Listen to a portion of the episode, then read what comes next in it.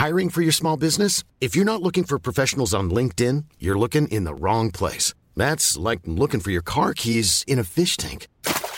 LinkedIn helps you hire professionals you can't find anywhere else, even those who aren't actively searching for a new job but might be open to the perfect role. In a given month, over 70% of LinkedIn users don't even visit other leading job sites. So start looking in the right place. With LinkedIn, you can hire professionals like a professional. Post your free job on linkedin.com slash people today. Planning for your next trip? Elevate your travel style with Quince. Quince has all the jet-setting essentials you'll want for your next getaway, like European linen, premium luggage options, buttery soft Italian leather bags, and so much more. And it's all priced at 50 to 80% less than similar brands. Plus, Quince only works with factories that use safe and ethical manufacturing practices. Pack your bags with high-quality essentials you'll be wearing for vacations to come with Quince. Go to quince.com slash trip for free shipping and 365-day returns.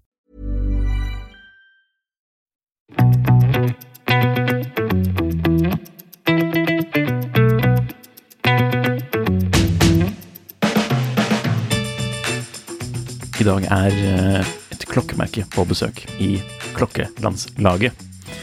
Vi har besøk av Mikro Milsbekk, som består av Henrik Rye og Anders Drage.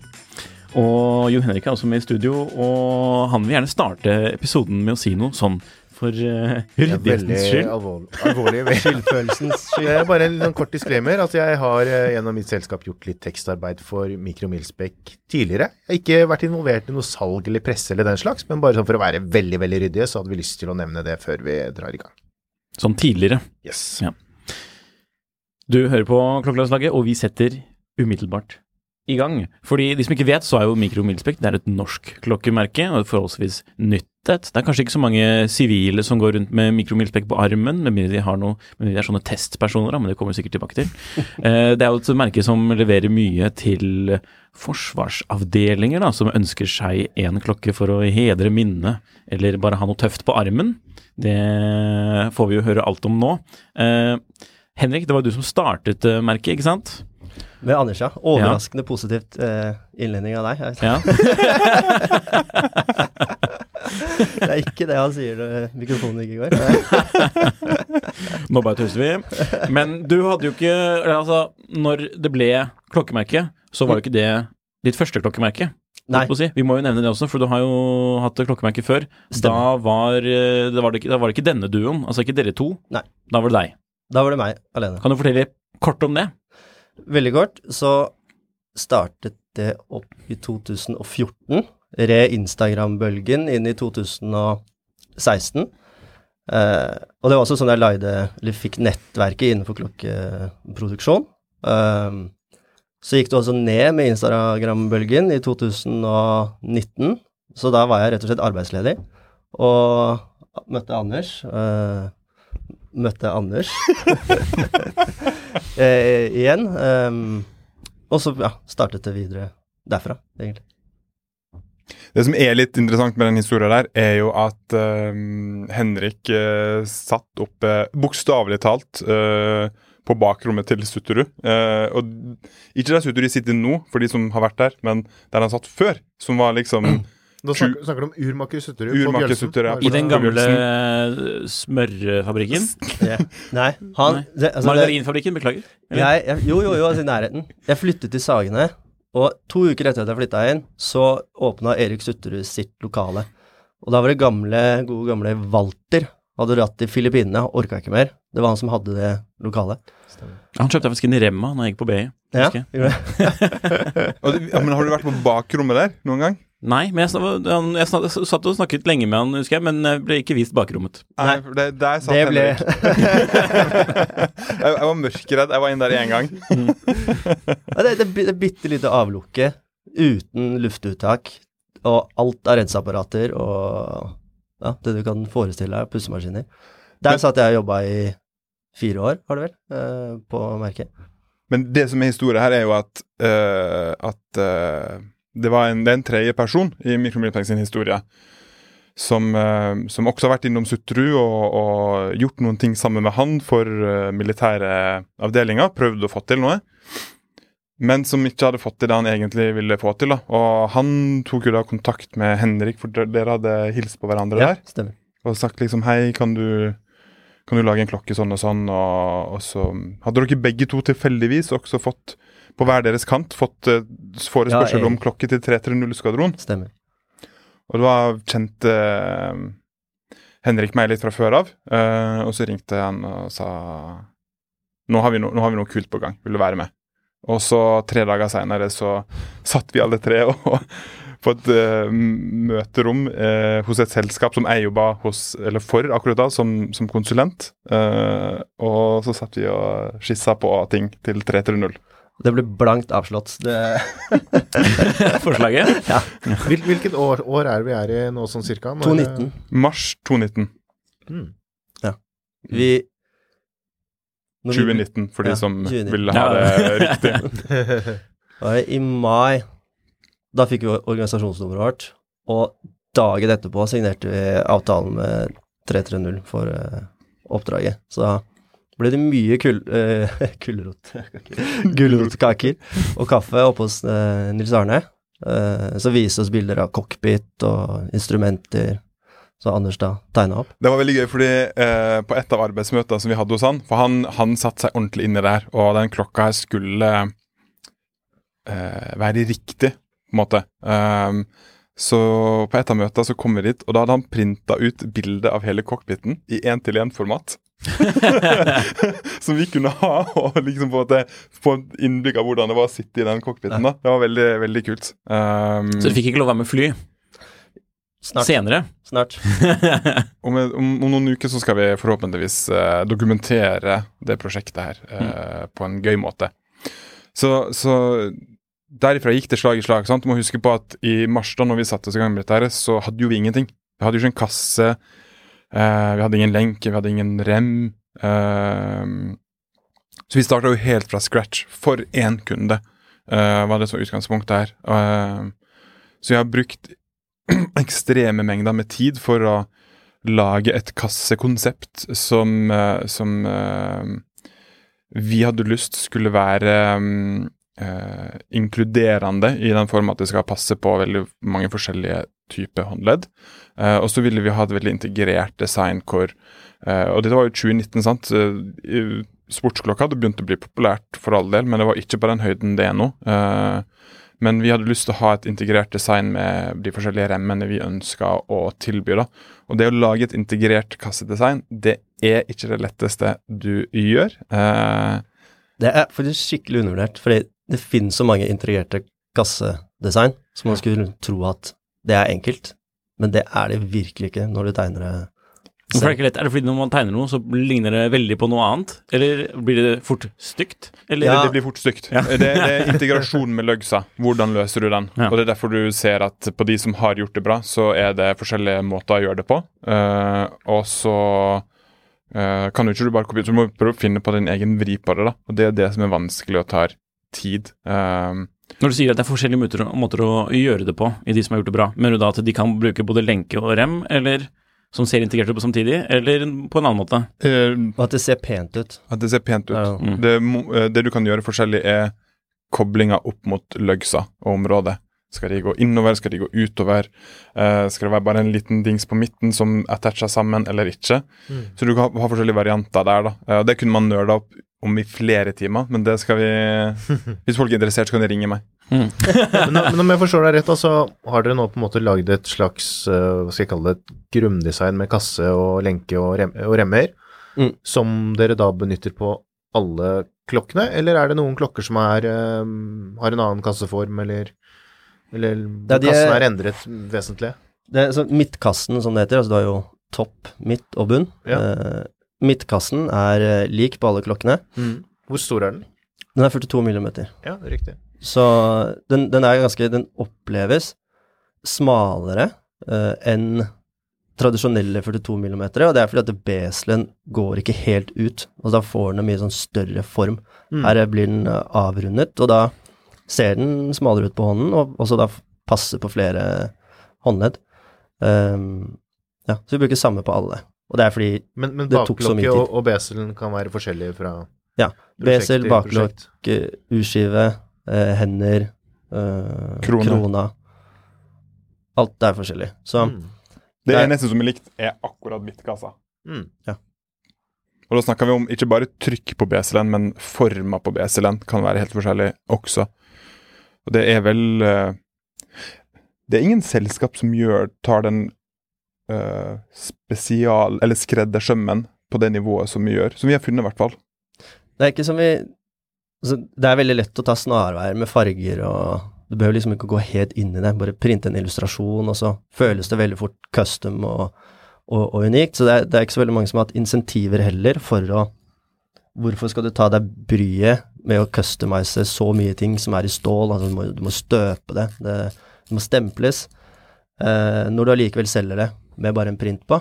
Mm. Og det er der vi på en måte ble liksom direkte dratt inn i dette markedet, og det var gjennom militæret som de setter pris på akkurat det, at det er noe som er mer eller mindre unikt. eh, eh, og sånn, vi ser jo også så åpenbart kassen er lik på alle prosjektene, men det som er viktig for dem, er at det er en historie der som de kan fortelle, og da er det ikke nok å bare printe på liksom et helikopter. Da vi har tatt inn torken, eh, som er inne i, inne i maskinen, altså på 330. Vi har tatt inn viserne fra et av instrumentene der inne. Det er rundellen som er bak på helikopterroret. Um, vi har stemplet inn mønstre som er under Sea Kingen. Det er et sånn pilmønster eh, under, som er det første du ser når du blir reddet, da. Altså de kommer over deg. Så eh, Og fargene, åpenbart. Vi har vel også datoen hvor den 330 ble stiftet, som Mm. det er en rundell inni Vi må bare si, hvis man lurer på hvordan ting ser ut her, så igjen, sjekk ut YouTube-kanalen. Og så er det bare å hvis, vi, hvis du legger ned klokken på, på cammen der, så fokuserer den riktig. Perfekt. Så da kan man jo se hvordan ting ser ut der. For det er litt vanskelig å snakke om design på lyd og sånn, men ja. Og så er det jo, for her har du jo plukket opp masse elementer da, fra den øh, De som faktisk Eller det, det verktøyet som de som skal bruke klokken, bruker hver dag på jobb. Og det er jo i aller største grad deres bidrag som har blitt den klokken. Det er ikke sånn at vi, sånn som vanligvis tradisjonelt når man jobber med klokker, så lager man kanskje et design som man håper skal selge mest mulig, og så prøver man å finne kundene til det designet. Måten og Anders, da, som åpenbart designer dem på, så er det andre veien. De vil ha noe, og så sitter vi der og prøver å få det til å se best mulig ut, uh, uten at det blir helt tivoli, eller helt plaint, da, så du mister all identitet. Men da, da, da har jo vi ofte vært for uh, Når vi lager klokker for Telemark bataljon, da var jo vi oppe på Rena i en hel dag, jeg og Henrik, og eh, fikk se alle våpenlagrene de hadde. Vi var inn og ut av alle forskjellige tankser. Stridsvogn heter det. Mm. Beklager, Mm. det heter stridsvogn. Eh, ikke nevn Telemarksbataljonen nå. Jeg sier Eh, Å ja, ja, han eh, sa jo feil. Ja, vi snakker ikke om det. Ehm, men der, fikk, der opplevde vi at ehm, det prosjektet var så viktig for dem. De har så sterk kultur i Telemark bataljon at uh, altså, vi hadde møte med øverste sjef som satte seg ned i, i en time med oss og liksom forklarte oss hva greia med Telemark bataljon var, for at vi skulle skjønne det. Uh, og så var det ute i felten i seks timer etterpå. Um, men det er det samme med hvor vi er der, eller om vi er, er oppe i nord med andre bataljoner. Altså, det å få et innblikk i hvordan hverdagen deres ser, symboler de bruker osv., gjør at vi kan gjøre en utrolig god jobb i å lage design. Og så eh, er de også en helt integrert del av det her, da. Det er liksom ikke bare vi som um, vi kommer eh, med selvfølgelig helt konkrete forslag, men så kan de være med å um, påvirke de forslagene. Men er det noen av de andre mm, hva skal jeg si, kundene deres eller prosjektene deres hvor de har vært mer spesifikke, altså rent sånn klokkemessig, altså istedenfor å vise liksom sin verden, at de heller har sagt vi vil ha visere som ser sånn ut, eller vi vil ha det og det. Er det noen av de som er litt mer sånn, eller er det mer eh, sånn som du sier, forteller nå, at man besøker de og leser om, eller lærer om historien, at, og så kommer dere med et forslag? Veldig forskjellig. Noen, noen er konkrete. Uh, så vi har et uh, uh, prosjekt f.eks. på noe vi gjorde for Hans Majestet Kongens Garde. Um, de har ikke vokabularet nødvendigvis da, til å snakke om akkurat det vi snakker om nå, men det er jo en veldig proper avdeling. Um, går masse i paradeuniform osv. Så, videre. så når vi lagde en klokke for de, så uh, ville de ha en litt mer typ dressklokkeaktig. Så uh, refte med vokabular, da, da har vi liksom gjort en klokke med uh, Breguet-visere. Uh, for de som er inne i liksom visere, så fins jo det liksom tradisjonelt sett i klokkeverden ti forskjellige, uh, hvis ikke jeg husker feil. Uh, og Breguet viser en del av det. Så de har det sammen med Breguet-tall, som er på en måte en stilepoke. da.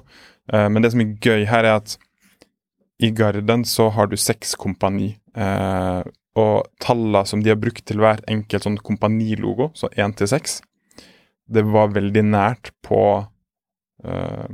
Breguet-stilen.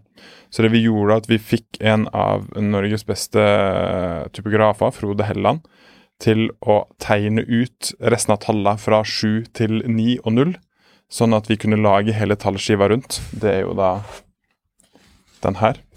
Mm. Um, slik at uh, tallskiva rundt er faktisk basert på den samme skrifta som de har i hver eneste kompanilogo. Ja, og så har du liksom uh, flutet Bessel der for å, å, jobbe litt mer inn mot det dresspreget.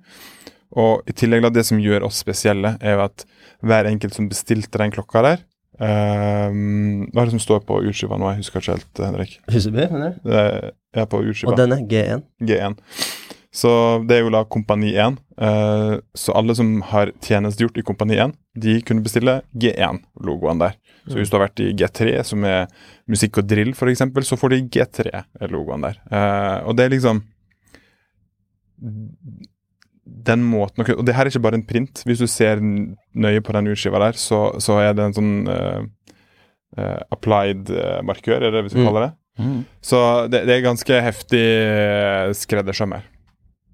Så nå vi skal, hvis vi skal oppsummere gangen i det her, da, så er det forsvarsavdeling, for det må man være, eller noe litt mer sånn offisielt selektert personell er uh, fellesnevnet. Mm -hmm. For det er, de, ba, det er, ikke bare for militære kunder dere har? Nei. Nei. Vi har uh, piloter, eksempel, i private selskaper. Um, vi har også altså, alt mulig rart som Ikke nødvendigvis alt som blir produsert, eller som vi ønsker å produsere, men som kontakter oss. Og da, der vi legger lista, er at det må være en seleksjon for å kunne lage en klokke. For hvis ikke så kan du bare gå og plukke en, hylle, altså en klokke fra en hylle. Uh, det er nok av de, liksom. Så vi vil heller holde det spesielt og, og kunne lage noe vi også syns er veldig morsomt å, å jobbe med. Ja. Så da kommer de og spør dere vi har lyst på klokke, så velger mm. dere dere får klokke eller ikke. Yeah. Ja, og så begynner designprosessen. Og så yes. velger de, Da er det vel samtale om speks, hva skal være på innsiden, utsiden, sånne ting. Og så produseres klokkene. Yes. Og de produseres i Sveits. Yes. Og så må man altså innimellom det her så betaler jo vedkommende, eller denne gruppen med mennesker, for det er jo det er alltids mer enn én. Ja. ja. Eller unntatt for noen få unntak, som vi kommer sikkert tilbake til. Ja. og så får de klokken levert. Hvor lang tid snakker vi? Det startet på seks måneder. Eh, så gikk det til ni, og så kom korona, og så gikk det til ti. Så jeg kan liksom, nå er det sånn vi kan forvente et år nesten før vi får levert en ferdig klokke. Um, det har mye å gjøre med at det Når du jobber på en måte innenfor Swissmain, så kan du ikke ta noen snarveier. Mm. Uh, så vi stopper alle prosesser hvis det ikke er bra nok, eller kvaliteten må liksom gås gjennom en gang til. Og da, da tar det tid. Altså det, og Sveits er jo kronisk kjent for å være noe av det tregeste også, i hvert fall klokkeindustrien. Uh, De har ikke dårlig tid, masse marginer, og sitter godt i det, så det, det ja. Vi. Vi har, vi har opplevd å ha en hel klokkeproduksjon komme til Norge, og så har vi måttet rejecte her fordi trykket som skulle være inni beselen på klokka, syntes ikke vi var bra nok. Uh, på én bokstav. Og da var det sånn Da sitter jeg, Henrik, da. Skal vi sende det her ut, og så på en måte Det er ingen andre som hadde sett det, bortsett fra oss, fordi mm. det, det, er så mikroskopisk. Men um, vi lager klokker som skal vare. Vi skal vare lenge. Um, det, det skal være høy kvalitet. Og da, da er noen ganger må man gjøre det kjipe. Og da kan det ta lengre tid enn ett år, fordi vi må sende klokka all, alle tilbake igjen. Så må beslingen gjøres helt på nytt igjen, og så må det monteres, og det er QC, og det er alt mulig. Mm. Men jeg har jo, har jo en kamerat som har kjøpt en, um, en klokke som jeg tror ikke er levert, og han har jo liksom sagt det at han begynner å bli litt lei av å, vente. Ja, det gjør vi jo. utsettelser og utsettelser, men uh, sånn, hvis man tenker sånn ellers i klokkeverdenen, så er det jo ofte veldig u, Altså, forsinkelser, det er jo et ganske vanlig fenomen. Sånn, øh, og det er også et spørsmål jeg får en del sånn Mm. uh, Altså klokker som øh, sendes på service og sånne ting. At folk syns det tar så vanvittig lang tid. Mm. Uh, nå sa jeg det var en på tidssonen som hadde hatt en uh, Big Pilot inne hos IWC, tror jeg det var, som hadde ventet nå i seks måneder, eller noe.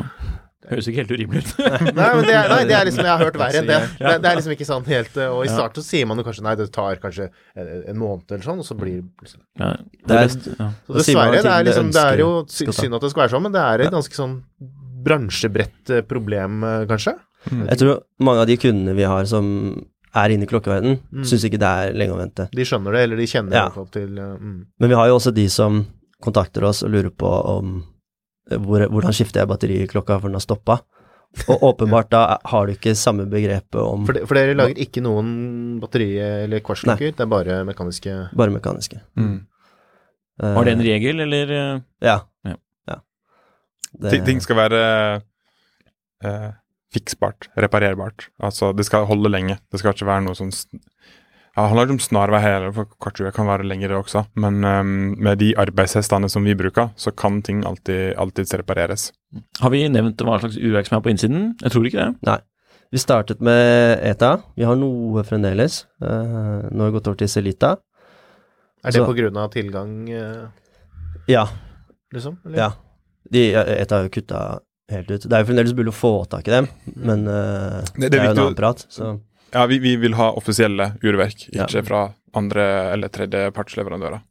Så de kommer direkte fra Celita med alt av garantier og Mm. Så det er, Og de som ikke kjenner nøyaktig, eller kanskje ikke så mye om produksjon, så er det mulig å få tak i billigere urverk fra Hongkong, som det også står Celita på, som veldig mange brands bruker, men de er jo ikke det samme som de som kommer direkte fra Celita. Det er jo ting som har Kanskje noen har kjøpt opp, ikke har greid å selge uh, inni klokkene sine, har blitt tatt ut, og så ja, får de levert uten noen garantier, da. Så den industrien er jo stor, men den er jo ikke Celita så veldig tjent med. Ready to pop the question? The jewelers at BlueNile.com have got sparkle down to a science with beautiful lab grown diamonds worthy of your most brilliant moments. Their lab grown diamonds are independently graded and guaranteed identical to natural diamonds, and they're ready to ship to your door. Go to BlueNile.com and use promo code LISTEN to get $50 off your purchase of $500 or more. That's code LISTEN at BlueNile.com for $50 off. BlueNile.com code LISTEN. I'm Sandra, and I'm just the professional your small business was looking for. But you didn't hire me because you didn't use LinkedIn jobs. LinkedIn has professionals you can't find anywhere else, including those who aren't actively looking for a new job but might be open to the perfect role, like me. In a given month, over 70% of LinkedIn users don't visit other leading job sites. So if you're not looking on LinkedIn, you'll miss out on great candidates like Sandra. Start hiring professionals like a professional. Post your free job on linkedin.com/people today. Så hvor mange mikromilspekk-klokker finnes det per i dag på norske håndledd? Eller på eller utlandet, da? Og levert ut Ja. Ja, det to, 2000? 2000. 2000 ja. rundt der. To og et halvt. Og har dere tjent penger? Ja. vi har tjent penger. Um, vi er i en sånn vi er så fiffig selskap uten at vi egentlig planla det, men vi har jo en ordreinngang som er ganske høy, og så har vi eh, Så vi har på en måte i fjor så har det endt opp på litt over 7 millioner i omsetning, mens vi hadde en ordreinngang samme året på 14. Mm. Så hvis vi hadde levert ut alle klokkene våre med en gang vi får inn bestillingen, så hadde det blitt 21. Men det har vi ikke muligheten til. Så vi, Så her ser man jo leveringstiden. Ja. ja. Men det handler også noe om hvordan man bokfører dette regnskapsmessig, da. Mm. Uh, ja. Riktig. Så den inntjeningen ligger i fremtiden, til vi får Men da er vi vel kanskje på Norges største klokkemerke, vil jeg tro. Hvordan, hvordan skal man måle det? Nei, jeg tenker man ser kanskje på ja, det er jo flere, altså, Man kan se på enheter, og så kan man se på omsetning, men det mest vanlige er å se på kanskje omsetning. Ja, eller øh, Ja. Er det ikke Instagram-følgere som er liksom det er jo sånn de måler det største i Sveits. Da går det jo på omsetning. Mm. Mm. Eller eksp ant altså antall eksporterte klokker ganger pris. Eller- Tror vel ikke det er noen andre klokkemerker som har noe høyere hvis uh, Nei, det er, det er litt usikker nå. Vi har jo, det er jo noen som selger i volum som er enda rimeligere. Mm. Også for at deres klokker Er koster jo fra Er Timex norsk ennå? Sier man det? Eh, det, Det ikke, det, jeg tror det ble solgt til uh, altså i hvert fall et, altså, ut- et, eh, utenlandsk selskap som kjøpte opp deler av aksjene for en, en, under to år siden. Men jeg mener at styreformann fortsatt er en Olsen, altså. Ja, Eh, eller ikke styreformann, beklager. Styreleder. Mm. Uh, mm. Så for det er, jeg tror- Litt det er- stretch, det er- Hæ? litt stretch med norsk og Ja, men altså, det var jo Jeg fikk faktisk Jeg var faktisk Jeg visste ikke hadde, Eller hadde glemt denne historien, altså inntil eh, denne helgen, at eh, Timex faktisk har eh, svært norske aner. ja. Det er litt morsomt. Mm. Jeg tror ikke vi, hadde, vi har i hvert fall ikke diskutert det i poden før. Nei, kanskje vi burde ha en egen pod om det. Ja, det tror jeg. For det, det, er, jo, det er jo en sånn Fred Olsen-historie inni det hele, da, for de som lytter. Så vi kanskje skal spare den. Men ja. Jeg tror, jeg tror ikke vi regner Timex som norsk eh, i, det, i så formål. For det er jo et amerikansk klokkemerke de dro. altså Det var jo to nordmenn som dro til USA, og så på et eller annet vis ble sjef for denne Mm. um, Waterbury Clock uh, Watch Company, eller noe sånt. Mm. Ja, som ble Timex. Ja. Hvor var vi? Personlig forhold til klokker. Eh, Altså eh, Vi må jo si For dere har jo vært med i Finanshusen Premium eh, tidligere, på denne klokkespesialen. Det var i fjor. Stemmer det. Og da ble det jo notert at Henrik ikke går med klokke til vanlig. Det Forklar gjør deg. du kanskje ikke i dag heller. Det gjør jeg ikke. Nei, det er ehm, eh, Det er egentlig så enkelt som at når man eh, jobber med det, så, så ønsker man jo i hvert fall å ha et slags overblikk. Ikke bare liksom på sitt eget merke, men også på, på bransjen. For det er veldig lett å bli eh, Hva skal man si, ja Miste selvinnsikt. At man går veldig og ser på sine egne produkter hele tiden og tenker at det er liksom det beste som fins i, i verden. Um, men det er det jo åpenbart ikke. Så jeg ønsker å ha et forhold som en kunde, som hele tiden skal gå og kjøpe en klokke for å på en måte kunne bedre evaluere hvor, hvor er vi nå? Ønsker vi å bli bedre? Ønsker vi å uh, Ja, så bare se de kundene som potensielt uh, er der. Uh, og så er det det som er hovedgrunnen, er at jeg hadde blitt gæren hvis jeg hadde gått med, med klokke. Fordi alle de klokkene vi har, er som regel prototyper som vi får inn, og da skal vi teste de, og så går du med den ene på hånda i tre dager, og så begynner huet ditt å tenke på at den viseren skal bli lengre eller kortere, eller urskiven skal være mørkere eller lysere. Og så mister du på en måte, i hvert fall for min del, hele gleden med å gå med en klokke, at du tiden tenker på hva skal du forandre på den. Og jeg kan jo ikke ta med et annet klokkemerke heller, det hadde blitt helt gærent. Så Jeg da- mista all sjølinnsikt, så jeg går med egen klokke. Bare sånn det er sagt. Men det er en morsom historie her fra, fra vi var i Sveits i fjor, uh, meg og Henrik, på businesstur, hvor vi endte opp med at jeg fikk en klokke på hånda til Henrik som han likte. Det var ikke mikrobilspekklokke, men da var du ganske happy. Ja, Hva var det? Eh, det, det er jo Skal vi ta he Du må, du, du, må, hele du, du må ta det fra starten. nei, Du må ta det fra starten. Så um, Vi fikk inn et oppdrag fra en skjult avdeling som ønsket å lage en, en kul klokke. Og vi hadde liksom tenkt at det, Så vi hadde spekka den opp, og så tenkte vi vi kom til å selge 30 stykker. Så vi måtte la lista der, da, av hva vi kunne levere. Og så viste det seg at det ble mye mer enn 30 klokker, det ble nesten 100. Og um, vi hadde tenkt det skulle være en Forge Carbon, eh, kasse på den, med et 2894 Ja, det starta med stålkasse, men Ja. en, en liksom liten evolusjon av det her, men med ETA-urverk. Og, og det er jo en kjempekomplikasjon med en sånn levert modulen fra The Boys de Pra, er det det de heter? Ja, vi sier det. Vi sier Hvem er best på fransk? Mm, ja, jeg, jeg er beviselig dårligst. Det kommer i egen episode. Ja. Nei, og så kommer vi da til et spørsmål Nå har vi Og den lå på rundt 40 000 per stykk. Uh, vi tenkte at skal vi liksom tjene da et par millioner på denne klokken, eller skal vi dra den helt ut og lage den feteste klokka vi har laget, slik at vi måtte Vi får mest sannsynlig aldri denne muligheten igjen, å kunne vise fram et så kult produkt. Så Og vi, gå i minus. og gå i minus, da, vel å merke. Det, det er veldig viktig poeng her. Ja, og, Det er, ikke, det er ikke bare at vi ikke har tjent noe. i Det var et minusprosjekt. Og skal vi da uh, ja, gå i minus for å ha dette her for, for fremtiden? Uh, så vi tok kontakt med en som heter Theo Offret i Paris. Han lager sin egen tourbillon, altså for hånd. Han er sånn type som at jo vanskeligere det er, jo bedre idé er det. Veldig sånn sveitsisk. Uh, så jeg hadde møte med han, så sier han at eh, jeg, jeg, kan, jeg kan ikke hjelpe dere. Eh, åpenbart det ble ekstremt dyrt, og han sitter jo bare og skrur på disse og filer på tannhjul og klokkene sine. Men han sier at det er, det er en kar. eh, jeg hjalp han, og han ga meg en Porsche, sier han. Eh, Han vet ikke mer enn det. Jeg fikk Nei. et navn, altså, men jeg har hørt om han der i periferien. Ja, han sier liksom ja, ta, ta kontakt med, med han.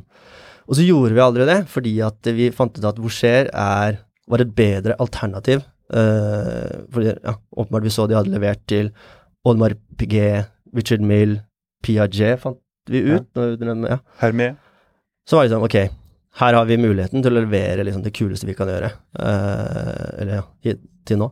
Så Med vi fikk en Ford Carbon. ja, Ford Carbon kasse, Voucher, kronograf med en egen, myk, nei, egen rotor inni, da, som vi, som vi lagde.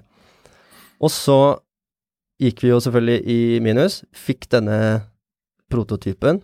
Og, I Sveits. Vi, vi, må, vi må, altså, vi må, eller bare litt for det. Å starte med ny kastutvikling i et nytt materiale, det er for det første ekstremt tidkrevende. Det er også veldig dyrt, for du må ha et helt nytt sett med, med, med tooling costs. Altså alt må lages på nytt igjen når det er et nytt materiale. Mm.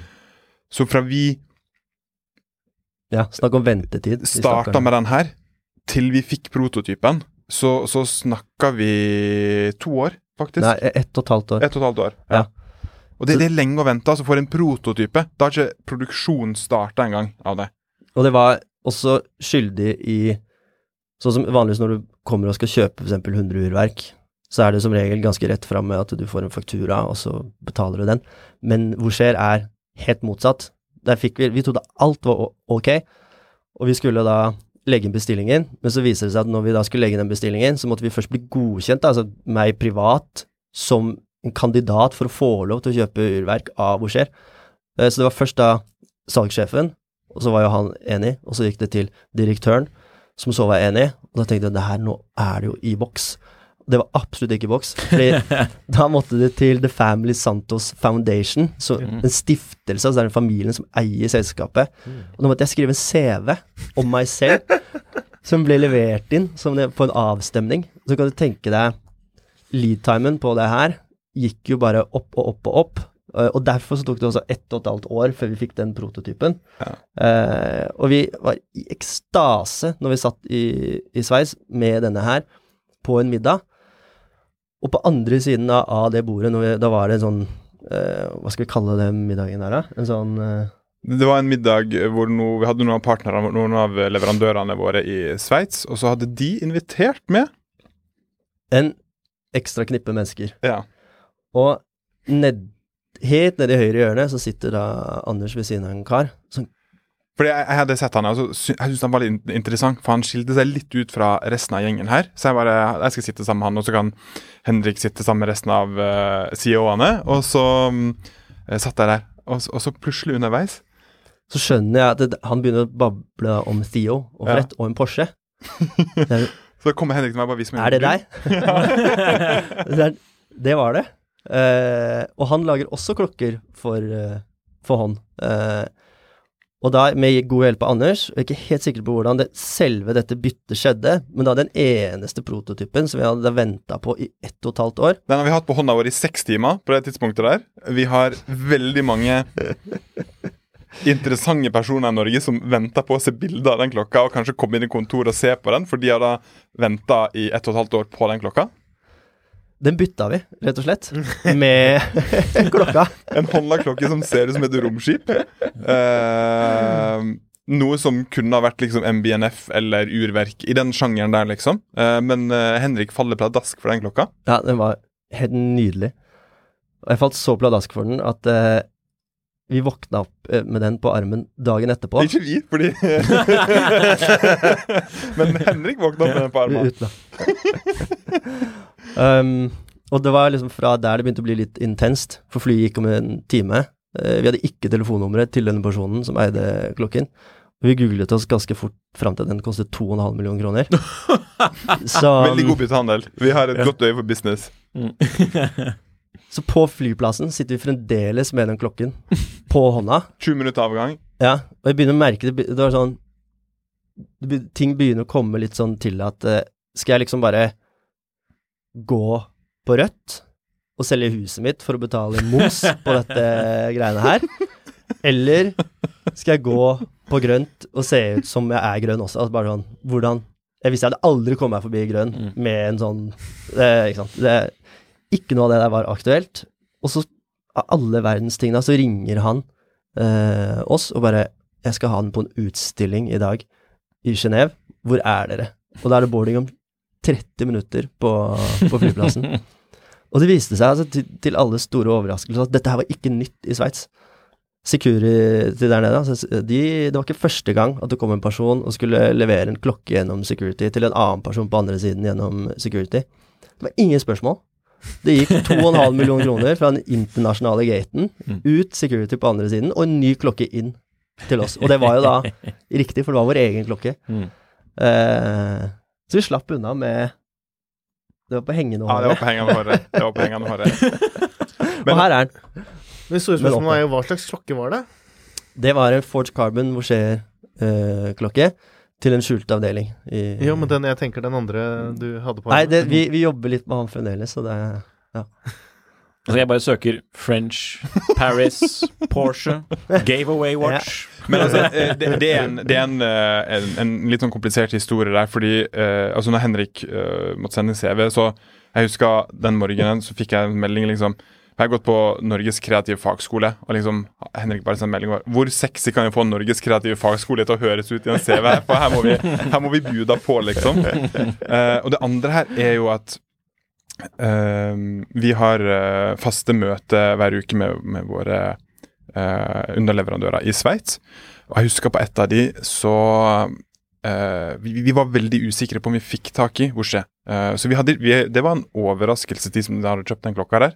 Det fikk de vite da vi gikk inn i, i, i produksjon, kanskje. Ja. Det var ganske langt, liksom. Eh, de var, trodde de fikk et ETA-urverk. Um, Vi tenkte de kom til å bli strålende fornøyd med dette fantastiske urverket som vi hadde ordnet.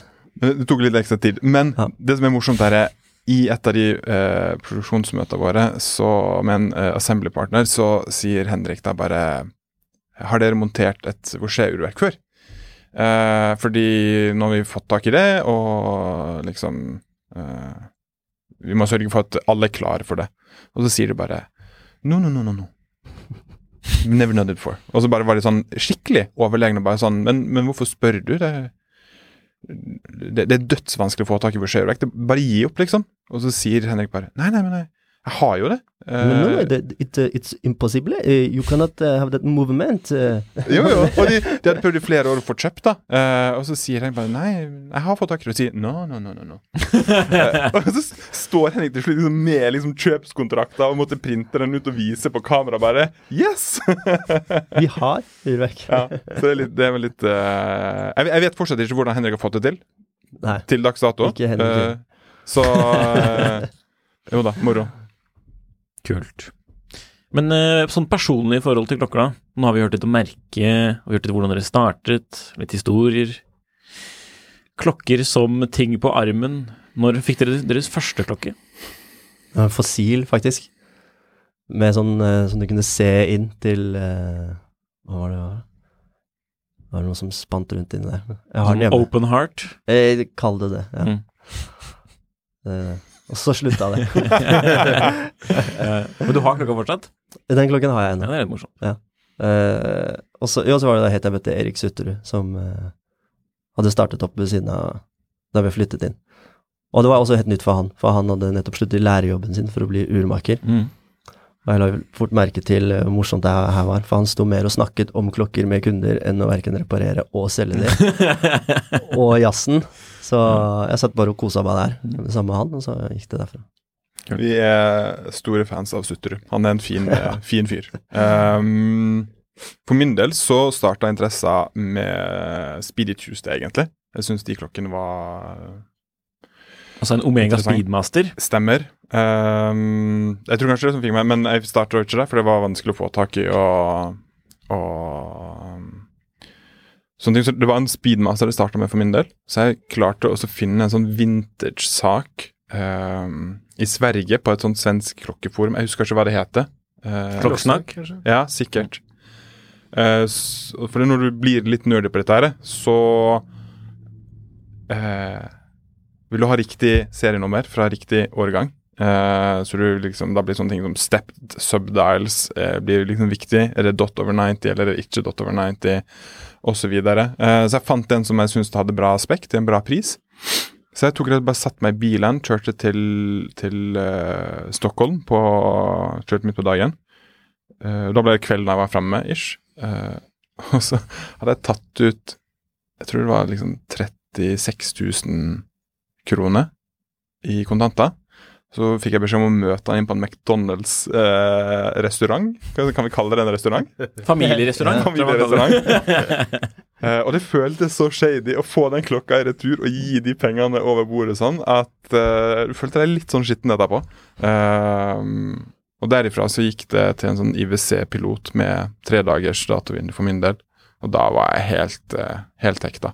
Um, Og dette var i sånn 2018-2019, for da var det en den Speedy kom, eller 2018? Nei, men det, Jeg starta med liksom Speedmastera før det, men det var, Ja, okay. det var Speedy Tuesday som liksom satte for meg, sånn med tanke på klokke. Eh, jeg husker ikke når den første kom meg. Det var jo den der med sånn, med Det sånn matt i eh, 2018 eller 2017, kanskje. Jeg husker Det må liksom være eh, 2017. kul det er tidligere Nei, 2016, tror jeg. Oi. Den første der, med Panda-dialen. Nå googler jeg, altså. Men um, Eh, Jeg husker jo mm, at den kom ja. Vi begynner, eh, bare, vi, vi får bare fortsette. Skal det som var litt interessant for min del, var at jeg hadde begynt å samle meg opp en liten samling. Så jeg hadde fått tak i den første Speedy Tuesday-klokka og hadde IWC-en, hadde et par andre. Og så var jeg sånn jeg ville at jeg skal, skal aldri ha Rolex. Hater folk som har Rolex. Nei, jeg gjør ikke det. Men jeg, jeg syns det var litt sånn oppblåst. Men så begynner man å lese om historien til Rolex og sette seg inn i liksom eh, hele brandet. Hvorfor de har gjort ting som det, hvorfor ting ser ut som det, hele lineupen. Og så plutselig så har man lyst på en Rolex, eller så, så går det videre, og så plutselig så har du lyst på en Patek. Og hodet mitt fungerer litt sånn at hvis jeg har lyst på noe, så har som det raptus i hodet som ikke klarer helt å roe seg ned før jeg har det. Uh, og da fant jeg at nå må jeg bare pause, for nå brukte jeg flere timer om dagen på liksom forum og hele pakka. Så jeg tok og solgte hele, alt jeg hadde av klokke. Måtte bare, Nå må jeg ha en pause her, eh, og finne ut av hvor, hvor dette skal ta veien. Og seks måneder seinere så ringer Henrik og sier skal vi lage eget klokkemerke. Uh, så det var litt morsom uh, coincidence. Men hadde du designet noen klokker før, eh, eller noe lignende greier eh, før det? Aldri. Bratt læringskurve. Men eh, jeg er jo veldig opptatt av design i alle former. eh, alt. Eh, så hvis man har den innstillinga der og er keen på å legge ned et uh, uproporsjonalt antall timer, så kan man få til ting selv om man ikke er liksom utdanna industridesigner. Mm. Mm. Jeg bare tenker på den eh, klokka med Vorset-verket. Mhm. Dere har jo laget også en annen klokke med mm, Jeg vet ikke om det er samme, nøyaktig samme verk, men i hvert fall med et Vorset-verk. Mm. Til en person som er veldig i vinden uh, Ja, om dagen. Haaland. Den har dere ikke med her, for den finnes vel bare i ett eksemplar. Men vi har en Det er, her er garantert Norges dyreste urskive. Sara, er det med Der sitter jeg. Hvordan ble det til? Den altså spesial... Ja. Custom-laget klokke for Haal- Haaland? Det ble til sånn at det, Det har egentlig lyst til å fortelle en sånn skikkelig sånn kul sånn historie. Jeg føler at dere liksom setter en racerbil, og alle bare Fy fader, han er flink, altså. Men det er, det er ikke tilfellet i det hele tatt. Vi, um, vi ansatte verdens fineste fyr, som heter Anders Torma, på support i, i selskapet. Og um, når han gjør ting, så investerer han hele seg i det. Og han hadde gått forbi Alfie Haaland på Brynje. Han bor på Bryne. Bryne. Bryne eller Bryne? Bryne. Bryne. Tar- Hvis du vil ha venner der borte, så sier du Bryne. Og så mm, fikk jeg vel med inntrykk av at, uh, som man naturligvis ville gjort uh, når du heter Alfie Haaland, lurer på hva er han karen er helt gæren, ikke sant.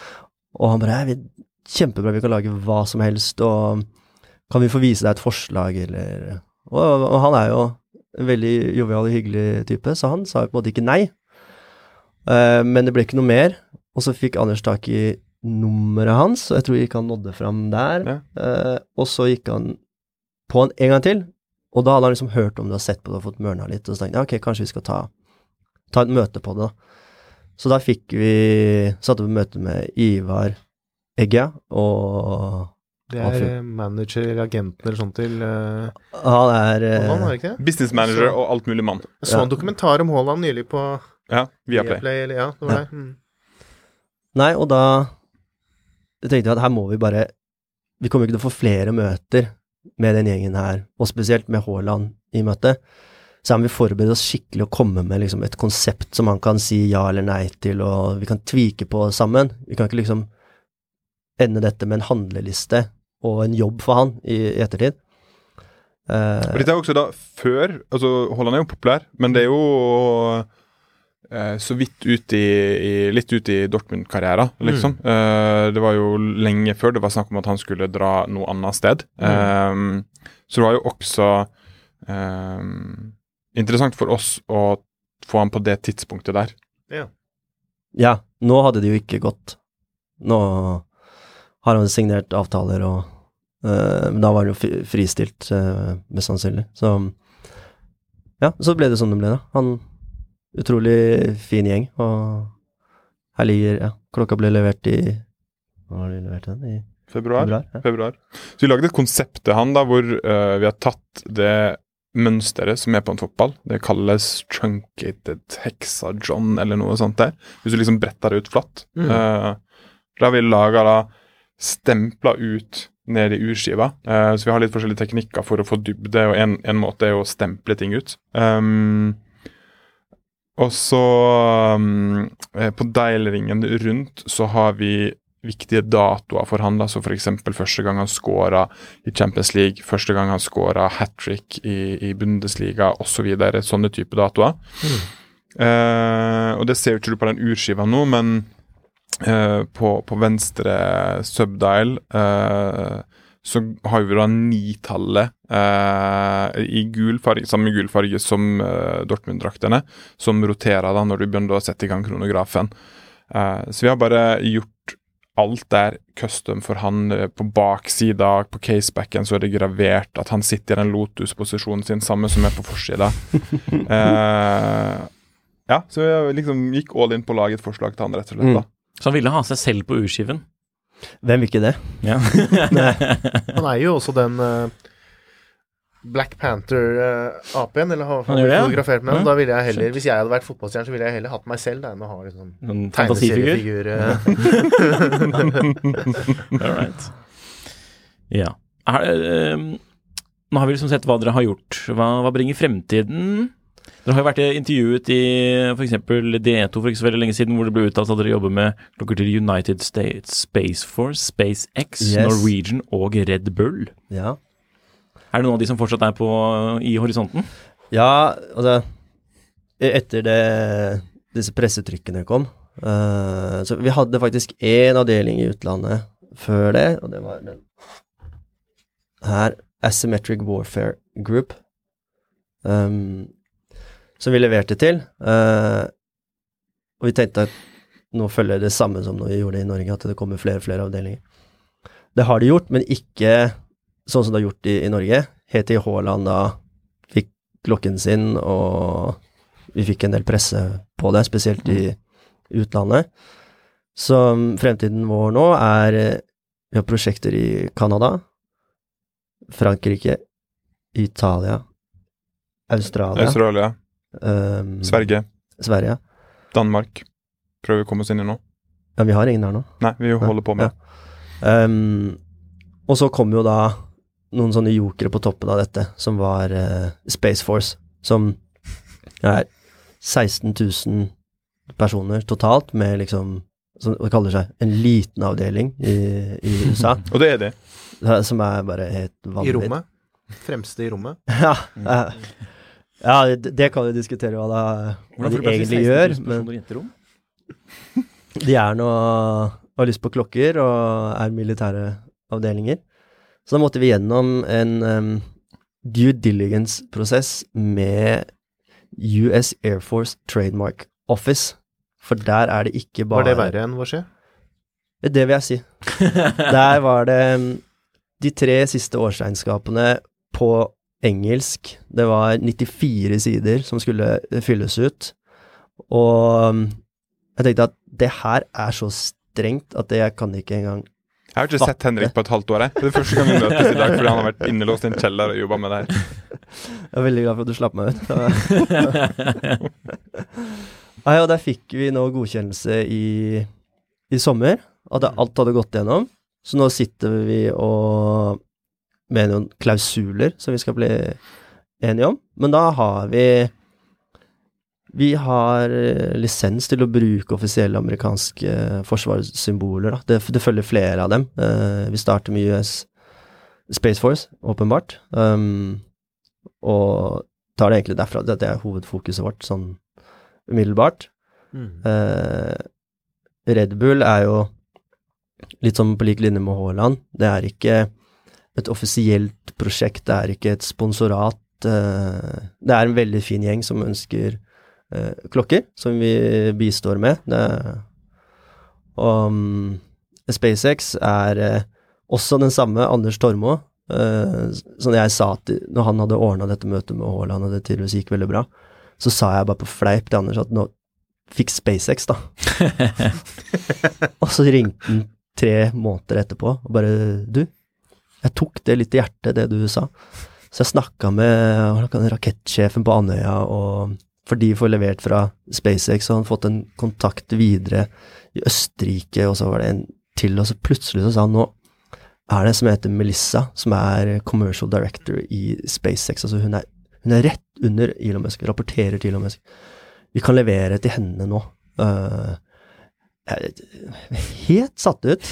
Um, så vi har jobba fram et konsept som vi har uh, levert inn, og fikk dessverre pusha det videre da, til en ny person som skulle se på det, og det er jo åpenbart ikke førsteprioriteten, men uh, det lever i beste velgående, og nå som vi har uh, Space Force, så håper vi å kunne følge opp med et sterkt svar og eksempel til Men der har vi laga et dødsfett konsept, da. Det har du faktisk Eh, lov å si, for det var skikkelig kult. Ja. Ja. Uh, så midt på klokka um, under, uh, under viserne, uh, liksom mellom klokka seks og midtpunktet, så har vi en liten kapsel. For hvis du er på Mars, som er jo the, the holy grail for SpaceX, um, og så må du lage in situ return, return fuel, som det heter. Altså hvis du skal lage return fuel der oppe, så trenger du eh, vann og karbon. Så i den kapsulen så er tanken at vi, vi har litt vann, og så har vi litt karbon. Eh, sånn at du kan riste klokka, så får du nesten sånn der um, du har sånn der globus med sånn der eh, snø som du kan riste på. Du kan få en litt sånn liten effekt inni den kapsulen, og så står det litt sånn Rocket return fuel. Ja.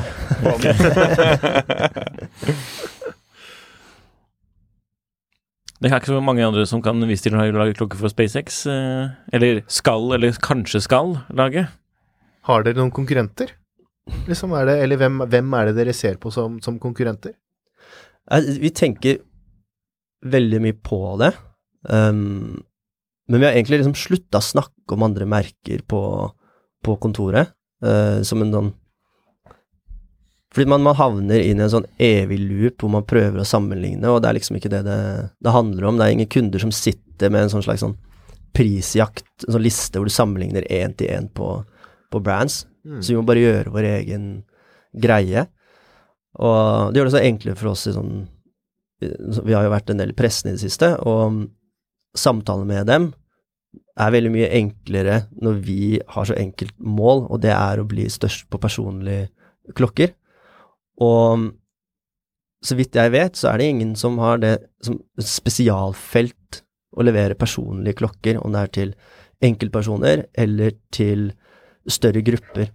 Du har selvfølgelig en annen prisklasse hvor dette her eksisterer, men det er jo veldig få som har tilgang til å kunne kjøpe en, en klokke og få den custom spekka. Det er altså de velger gjerne diamanter og helt andre Og vi, er, vi, skal jo ikke være liksom Akrivia-typen heller klokke som er håndlagde. Det er ikke, det er ikke vår greie hvor du finner han eh, Sean bak benken som har liksom eh, håndlodda på eh, eh, løgsa på kassa, liksom. Det, det er ikke vår greie i det hele tatt. da. Det vi snakker mye om, som er relevant i forhold til dette, her, er jo at det kommer til å komme flere nye, store klokkemerker som blir store. Hvorfor skal ikke det komme fra Norge, og hvorfor skal ikke det være oss?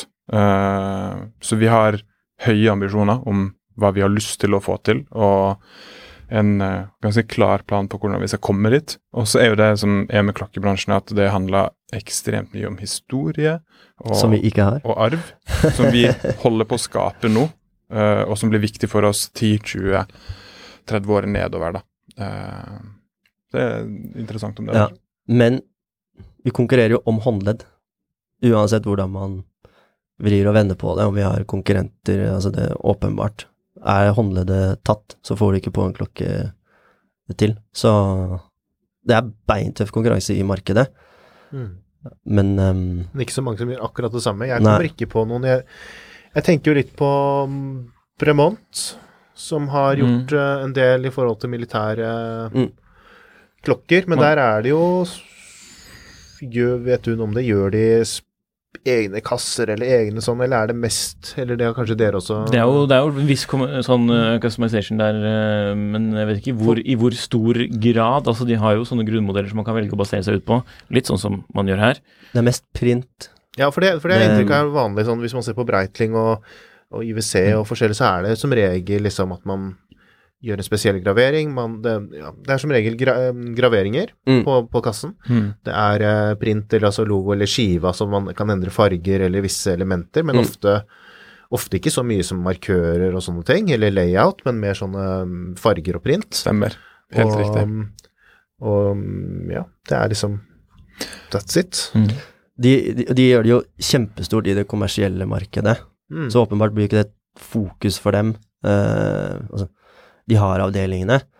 Eh, de er strukturert ganske annerledes med at de tar en, eh, en modell som allerede finnes i, i, i markedet, og så selger de den med nesten 50% rabatt til ti stykker i, i militæret, med en Og det, det er på det nivået der det er, da. Så En printskive. Det, det, det, det er liksom ikke eh, hundrevis av folk som kjøper det. Det er 10-20-30 stykker. Men det er jo det er veldig stor prestisje knyttet til disse prosjektene, så det hjelper jo veldig mye sånn markedsføringsmessig, og det har jo dere også erfart allerede, ikke sant? hvor mye det har å si å lage en klokke for gitt forsvarsgren. Mm. Det er jo sånn som, eh, som appellerer til andre forsvarsgrener, Mm. og de private håndleddene der ute, Mm. som, som kunne ønske seg noe slikt. For det var det som er veldig ettertraktet på på vintersmarkedet f.eks. Jo, sånne eh, gamle hoiere som er m- st- som er gravert med et uh, luftforsvar, eller um, Om 50 år eller Rolex er som er uh, printet med Comex, uh, eller franske spesialstyrker. Sånne ting er jo det er jo, en, det er jo en del av klokkemarkedet som har en sånn veldig sånn, sånn ettertraktethet ved seg for, på grunn av liksom mystikk, prestisje. Ja. Mm. En, en ting som også er viktig å si her med tanke på dette her, er jo at uh, utenifra så er den sveitsiske klokkemarsjen den er veldig lukka, og den er van vanskelig å komme seg inn i. fordi uh, det er en sånn veldig sånn know-how basert på dette her.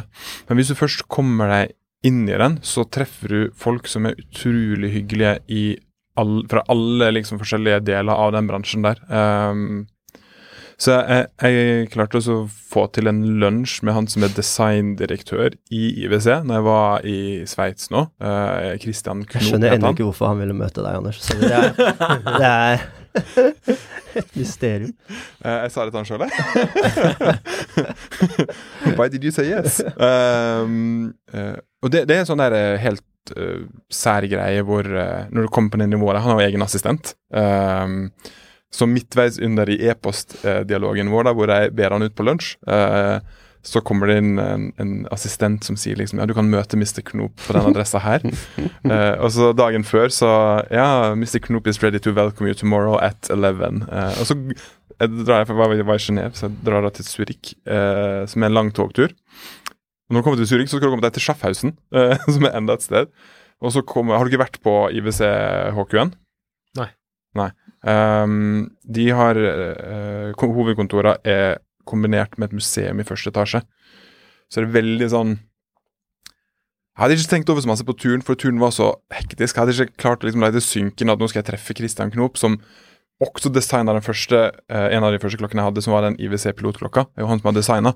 Um, og, og, og, så sitter jeg der i lobbyen, uh, og jeg har fått den IWC-badgen på meg som det står 'visitor' på, og det, det er jo lukka for å komme opp i andre etasje.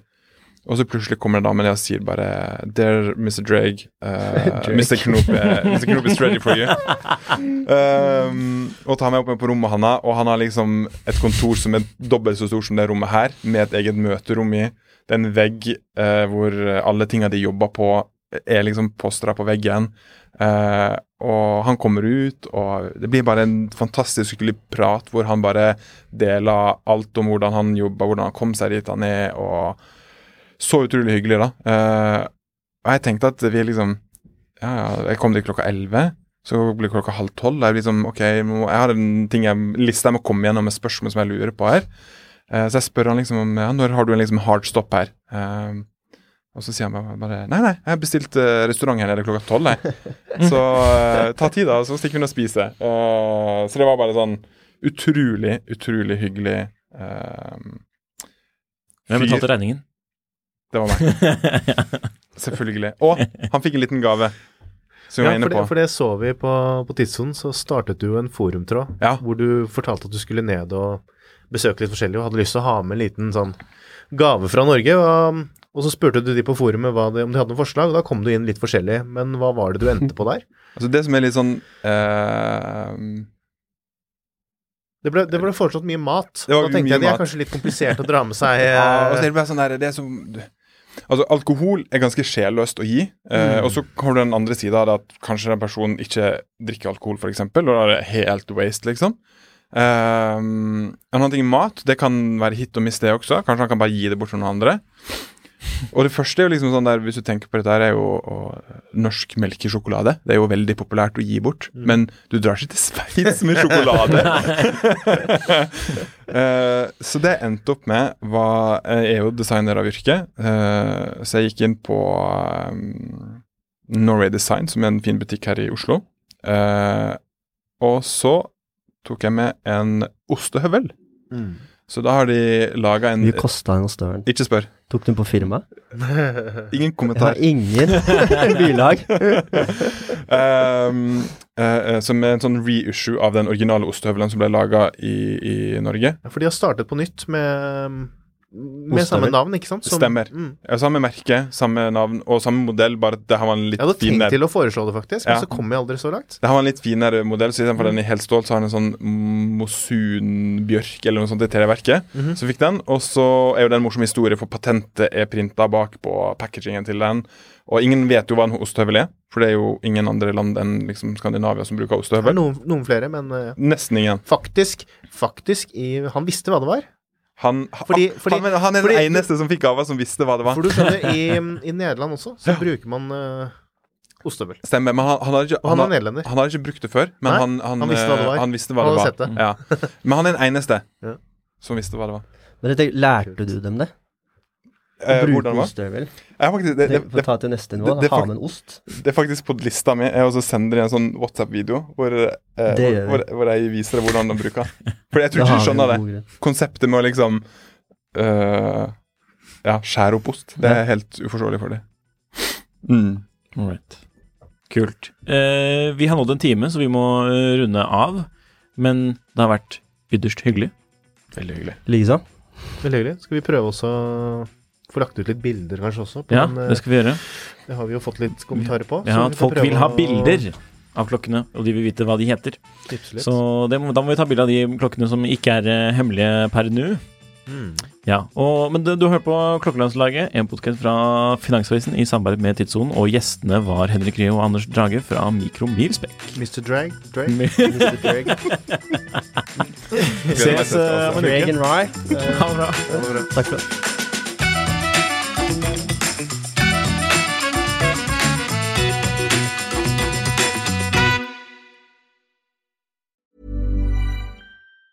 Hi, I'm Daniel, founder of Pretty Litter. Did you know cats tend to hide symptoms of sickness and pain? I learned this the hard way after losing my cat, Gingy. So I created Pretty Litter, a health monitoring litter that helps detect early signs of illness by changing colors, saving you money and potentially your cat's life. Pretty Litter is veterinarian developed, and it's the easiest way to keep tabs on your fur baby's health right at home. Go to prettylitter.com and use code ACAST for 20% off your first order and a free cat toy. Terms and conditions apply. See site for details. Planning for your next trip?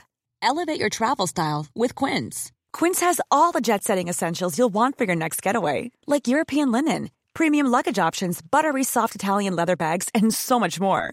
And is all priced at 50 to 80% less than similar brands. Plus, Quince only works with factories that use safe and ethical manufacturing practices. Pack your bags with high-quality essentials you'll be wearing for vacations to come with Quince. Go to quince.com slash pack for free shipping and 365-day returns.